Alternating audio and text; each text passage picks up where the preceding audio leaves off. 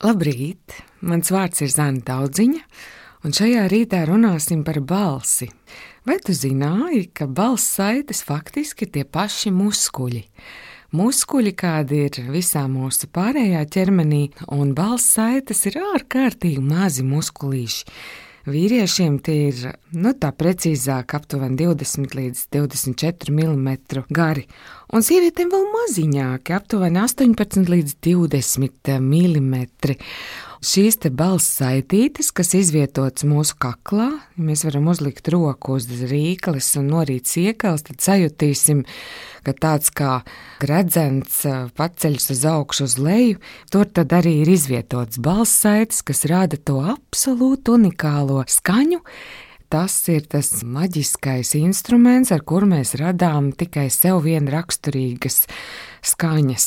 Līdzīgi kā cilvēkiem pirkstiem ir dažādi nospiedumi, tā arī mūsu balsī ir dažādas krāsas un tās atšķiras pēc melodiskās variēšanas spējas, pēc tā, cik ļoti mēs esam tembrāli zemu vai, vai tieši pretēji augstu pozicionēti.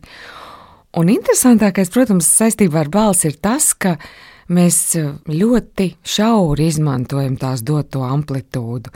Balsētas atkarībā no mūsu garuma un platuma vibrējot, rada to absolūti unikālo skaņu, kas mūs atšķir no citiem, un mēs varētu skanēt vēl daudz neparastāk, vēl daudz krāsaināk, atkarībā no tā, kādus rezonators mēs pieslēgtu.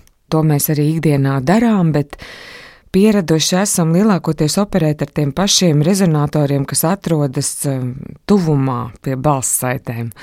Un, ja mēs runājam, e, izmantojot tikai tos, tad balss skan aptuveni šādi. Daudz cilvēku arī visās dzīves situācijās runā, izmantojot šo balsi, un, ja viņiem ir jāuzstājas liels auditorijas priekšā un pēkšņi kaut kas noticis ar mikrofonu, tad uh, skaņu forsējot, un es tagad to nedarīšu, lai saudzētu jūsu bungādiņus. Uh, Mm, mēs eh, varam ļoti gauži nodarīt savām balss saitēm. Tās tiek viena pret otru skarbi sasistas, un tā tur ir ideāla vieta, kur ieperināties jebkāda veida infekcijai. Un, uh, lai man piedod mediķis, izsakos absolūti nemedicīniskā valodā, bet um, savējie sapratīs, runa par to, ka jebkurš tāds vīrusu bacilis ieperinājies uz mūsu balss saitēm, kas ir nedaudz sasistas un uh, ievainotas, tur jutīsies ideāli. Un šādā pandēmijas eh, izskaņas periodā, kad joprojām mēs esam pakļauti ne tik vien covidam, bet arī dzan gripai, ir svarīgi, ka mēs sevi audzējam un pasargājam. Un savu balsi lietojot, mēs esam saudzīgi pret savām balss saitēm. Kā to var darīt? Mums vajadzētu izmantot vairāk sava torsa rezonators, tos uh, skaņas paplašinātājus, kas ir mūsu ķermenī, ribu zonā, arī dzen, starp ribu skriemeļi spēj rezonēt un uh, pastiprināt skaņu. Faktiski mūsu tors kalpo kā tāda skanda, kā tumba, kā tāds uh, ļoti jaudīgs skaņas uh, rezonators. Un ja mēs balsi sūtām vairāk tā kā sev papēžos un domājam par to, ka mute ir kaut kur zemāk, nevis mūsu galvā, tad skaņa ir daudz dobjāka, siltāka. Un, kas interesanti, citu cilvēku ausīm arī labāk eh, panesama. Zinātnieki pamatoti ir eh, pierādījuši, ka aptuveni 85% dažādu vadošo darbinieku, kas eh, regulāri ar mums sarunājas dien dienā, ir tembrāli zemāks un spēcīgākas balsis.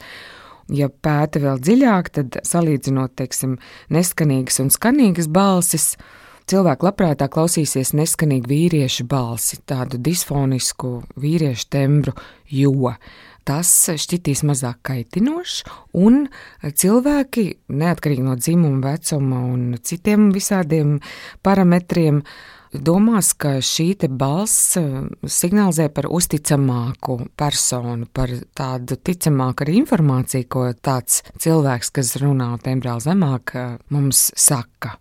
Par balsi varētu runāt te bezgalīgi, varētu runāt stundām, un galvenais, eh, kas ir svarīgi, ka Mūsu balss, ko mm, spāņu režisors eh, Eugenio Barba sauc par mūsu ķermeņa neredzamo daļu, faktiski ir tāda kā mūsu žestikulācija ar skaņu. Un tas ir kaut kas tik iedarbīgs, ka spēj vienus cilvēkus pacelt, varbūt citā situācijā nogremdēt, tāpēc būsim uzmanīgi, kad lietojam savu balsi, jo tā ir milzīgs spēks.